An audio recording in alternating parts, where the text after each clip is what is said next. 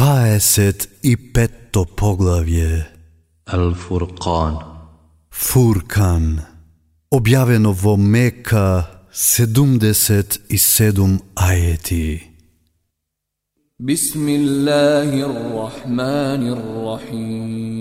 Во името на Аллах, се милосниот, милостивиот. Благословен нека е тој што на робот свој му го објавува Куранот, за да им биде опоменувач на световите, тој на кого му припаѓа власта на небесата и на земјата, кој нема дете, кој во власта нема здруженик и кој создаде се и како што треба го уреди. А тие покрај него зеле божества кои ништо не создаваат, кои самите се создадени, кои не се во состојба од себе некаква штета да отстранат, ниту некаква корист да сторат, и кои немаат моќ живот да одземат, живот да дадат и да оживеат. Тие што не веруваат, велат – Ова не е ништо друго, туку голема лага која тој ја измислува, а во тоа и други луѓе му помагаат, и прават неправда и клевета, и велат. Тоа се измислици на древните народи, кои тој ги препишал, па му се читаат наутро и навечер. Кажи, го објавува тој на кого му се познати тајните на небесата и на земјата, тој многу простува и милостив е. И тие велат, што му е на овој пратеник, тој храна јаде и по чаршиите оди, зошто не му е испратен мелек заедно со него да биде опоменувач, или да му се спушти некакво богатство, или да има градина од која би се хранел. И насилниците уште велат, вие следите магјепсан човек, погледни што зборуваат за тебе, па тогаш талкаат и вистинскиот пат не можат да го најдат. Благословен е тој што, ако сака, може да ти даде подобро од тоа, градини низ кои реки течат и дворци. Тие дури и часот на оживување го негираат, а ние за тие кои часот на оживување го негираат, разгорен оган подготвивме. Кога ќе ги види од далечина, ќе слушнат како гневен врие и од без грми, а кога ќе бидат фрлени во него, во теснец со врзани раце, пропаста таму ќе ја довикуваат. Не довикувајте денес само една пропаст, туку довикувајте многу пропасти. Кажи, дали е подобро тоа или вечниот дженет, кој им е ветен на тие што од Аллах ке се плашат, тој награда и живеалиште ке им биде. Во него се што ке посакаат ке имаат вечно, тоа е ветување на Господарот Твој. Тие ке имаат право да го бараат тоа од него. А на денот кога тој ќе ги собере, а и тие кои покрај Аллах ги обожувале, па ќе ги запраша. Дали вие, овие мои робови во заблуда ги заведовте, или тие самите од вистинскиот пат за талка? Тие ке речат, возвишен нека си ти, незамисливо е дека ние покрај тебе некакви заштитници сме зеле, туку ти на овие и на нивните предци си им дал да уживаат, па заборавиле да се сеќаваат на тебе, тие пропаста ја заслужиле. Тие ќе го негираат тоа што вие го велите, а вие нема да бидете во можност мачењето да го отстраните, ниту помош да најдете. А на тој од вас што сторил насилство, ке му дадеме големо страдање да искуси. Ние пред тебе не сме испратиле ниту еден пратеник кој не јадел и кој по чаршиите не одел. Ние правиме едни со други во искушение да се доведувате, па да видиме дали ќе бидете трпеливи, а Господарот Твој гледа се. И тие што не се надеваат на средба со нас, велат, Зошто не ни се испратат мелеци или зошто Господарот свој не го гледаме? Тие се навистина во душите свој горделиви, а во неправдата сите граници ги премина. Тој ден кога ќе ги здогледаат мелеците, тогаш нема да има радост за злосторниците, и мелеците ќе говорат, вам ви е целосно забранет дженнетот. И ние ке пристапиме кон делата нивни кои ги правеле и во прав и пепел ке ги претвориме.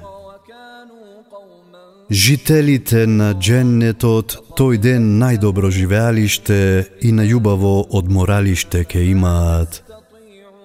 А на денот кога небото ќе се расцепи и од него облак ќе се појави и кога мелеците сигурно ќе се спуштат, Тој ден вистинската власт ќе биде само кај се милосниот, а тоа ќе биде мачен ден за неверниците. На денот кога насилникот прстите своји ќе ги гризе, говорејќи Камо среќа со пратеникот на вистинскиот пад да се придржував. Камо среќа тешко мене, тој и тој за пријател да не го земев. Тој од опомената ме одврати откако ми беше прикажан, а шејтанот секогаш човекот го остава на цедило. Пратеникот рече, Господару мој, народот мој куранот го избегнува. Ние исто така дадовме злосторниците да му бидат непријатели на секој веровесник – А тебе, Господарот Твој ти е доволен како упатувач и помагач. Тие што не веруваат, велат, зошто Куранот не му е објавен целиот одеднаш? А така се објавува за со него срцето Твое да го зацврстиме и ние го објавуваме постепено. Тие нема ниту еден приговор да ти дадат, а ние да нема одговор и на љубаво објаснување да наведеме. Тие што ќе бидат влечени на своите лица во джехеннемот, ќе бидат во најлоша положба и најдалеку ќе заталкаат. Ние на Муса книга му дадовме и брат му Харун помошник му го направивме и рековме – Отидете вие двајца кај народот кој доказите наши ги негира. И потоа тој народ потполно го уништивме. А и нуховиот народ, кога пратениците за лага ги обвинуваа, го потопивме и на луѓето како поучен пример го направивме, а на насилниците страдање болно им подготвивме. И на Ад, и на Семуд, и на жителите на Рес, и на многу народи помеѓу нив, на сите примери за поука им наведувавме, и потоа се сосема уништивме. А тие поминуваат низ градот на кој се струшил кобен дошт, зарем не го гледаат, но сепак не го очекуваат проживувањето. Кога ке те видат, те исмејуваат. Дали е ова тој што Аллах го испратил како пратеник? За малку од божествата наши да не одврати, но ние верни им останавме, а кога ќе доживеат страдање, ќе дознаат кој далеку од вистинскиот пат заталкал. Кажи ми ти мене, Дали ќе му бидеш чувар на тој што страста за свој Бог ја зел? Мислиш ли дека повеќето од нив сакаат да слушаат или дека настојуваат да сватат? Тие се како добиток, дури и подалеку од вистинскиот пат талкале. Зарем не гледаш како господарот твој сенката ја издолжува, а да сака ке ја стави да мирува, а потоа направивме сонцето да ја води. А потоа малку по малку кон себе си ја привлекуваме. Тој ноќта ви ја направи покривка, сонот ви го направи одмор, а денот за движење. И тој ги испраќа ветровите како радосна вест, како предходници на милоста своја, и ние од небото чиста вода спуштаме, за сонеа веќе мртвиот предел да го живееме, и мноштвото добиток и мноштвото луѓе кои ги создадовме да ги напоиме. А дождот ние го расподелуваме меѓу нив за да размислат, а повеќето луѓе одбиваат се освен неверувањето и неблагодарноста. Да сакаме во секој град ке испратевме некого да опоменува, затоа не отстапува им на неверниците и со куранот бори се против нив со голема борба. Тој две мориња едно покрај друго остави, едното питко и сладко, другото солено и горко, а меѓу нив преграда и невидлива брана постави. Тој од водата ги создава луѓето и прави да се роднини по крв и по сватовштина. Господарот Твој е мокен за се. Наместо Аллах, тие ги обожуваат тие што не се во состојба никаква корист да остварат, ниту од нив некаква штета да отстранат.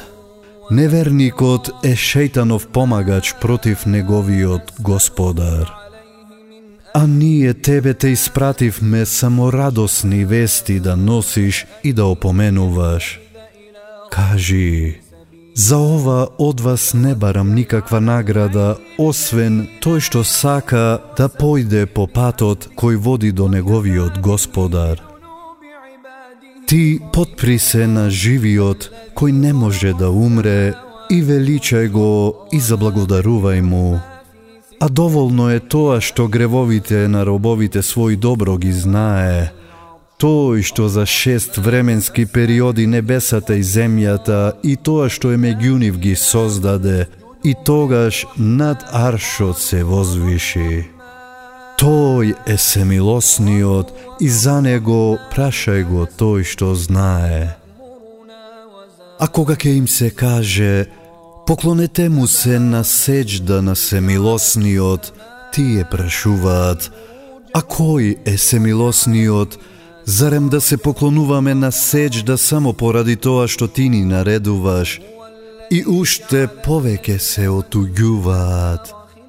Благословен нека е тој што на небото големи звезди создаде и на него светилка даде и месечина осветлена. Тој прави ноќта и денот да се менуваат, тоа е поука за тој што сака да размисли или сака да биде благодарен.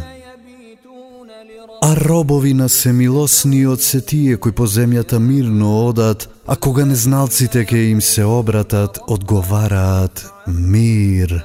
И тие кои ги поминуваат ноките пред Господарот свој, поклонувајки му се на сеџда и стоејки, и тие кои велат, Господару наш, поштедине од страдањето во Джехеннемот, затоа што страдањето во него е навистина неминовна пропаст, тој е лошо престојувалиште и живеалиште, И тие кои, кога даваат, не се расфрлаат и не се скржави, туку при тоа се држат до средината.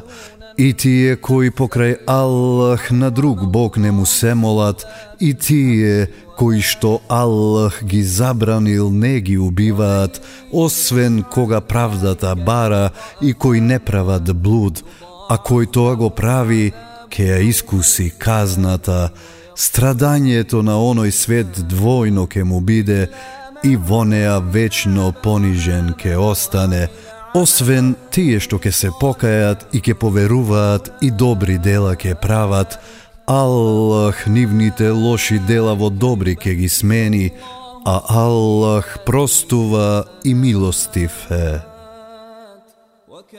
А тој што ке се покае и добри дела ке прави, Тој на вистина на Аллах искрено му се вратил и тие кои не присуствуваат прилагата и неделата и кои додека поминуваат покрај безделништвото, поминуваат достоинствено И тие кои кога ќе бидат упоменати со доказите на Господарот свој, ни глуви, ни слепи не остануваат.